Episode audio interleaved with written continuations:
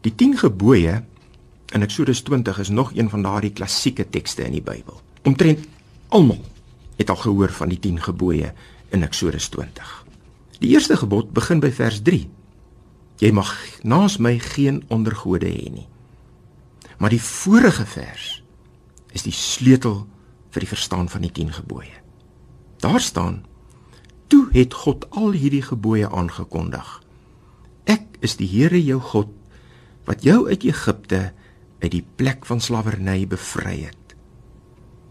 God verlos eers mense en dan gee hy die gebooie.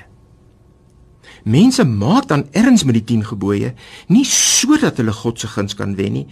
Mense maak erns met die 10 gebooie omdat hulle God se guns gewen het.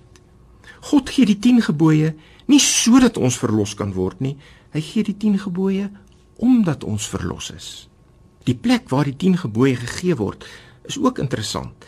Die 10 gebooie word nie in Egipte vir die Israeliete gegee sodat die wat die toets slaag van die 10 gebooie uit Egipte verlos word nie. Nee. God gee die 10 gebooie by Sinaï nadat hy sy volk klaar uit Egipte verlos het. God se genade kom eerste en dan kom die gebooie.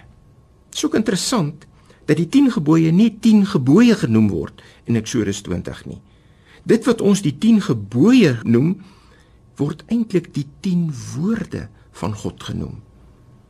Die 10 gebooie is dus nie 10 wette wat afgeforceer moet word op mense nie. Dit is woorde wat riglyne gee hoe om reg te lewe, hoe om sinvol te lewe. Kom ons luister na net 4 van die gebooie. Jy mag nie moord pleeg nie. Jy mag nie egbreek pleeg nie. Jy mag nie steel nie.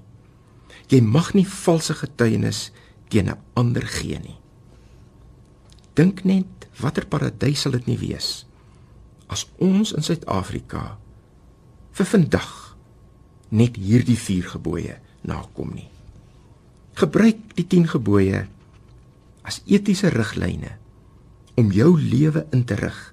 Nie om in God se goeie boeke te kom nie, maar omdat jy verlos is in Christus.